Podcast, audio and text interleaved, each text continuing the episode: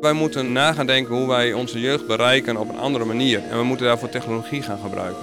Een futuristische bril? Het ziet er vrij apart uit, want wat diegene met de bril op ziet is iets heel anders wat wij zien. Een nieuwe generatie leerlingen? En wat zie je nu? Nu niks, oh jawel, een beetje. Twee docenten die voorop lopen? En daarmee kan ik in de klas een vulkaan eh, laten zien. Dus ze kunnen het lava zien stromen als het ware in het lokaal. Ik kan een aardbeving laten zien hoe dat gebeurt.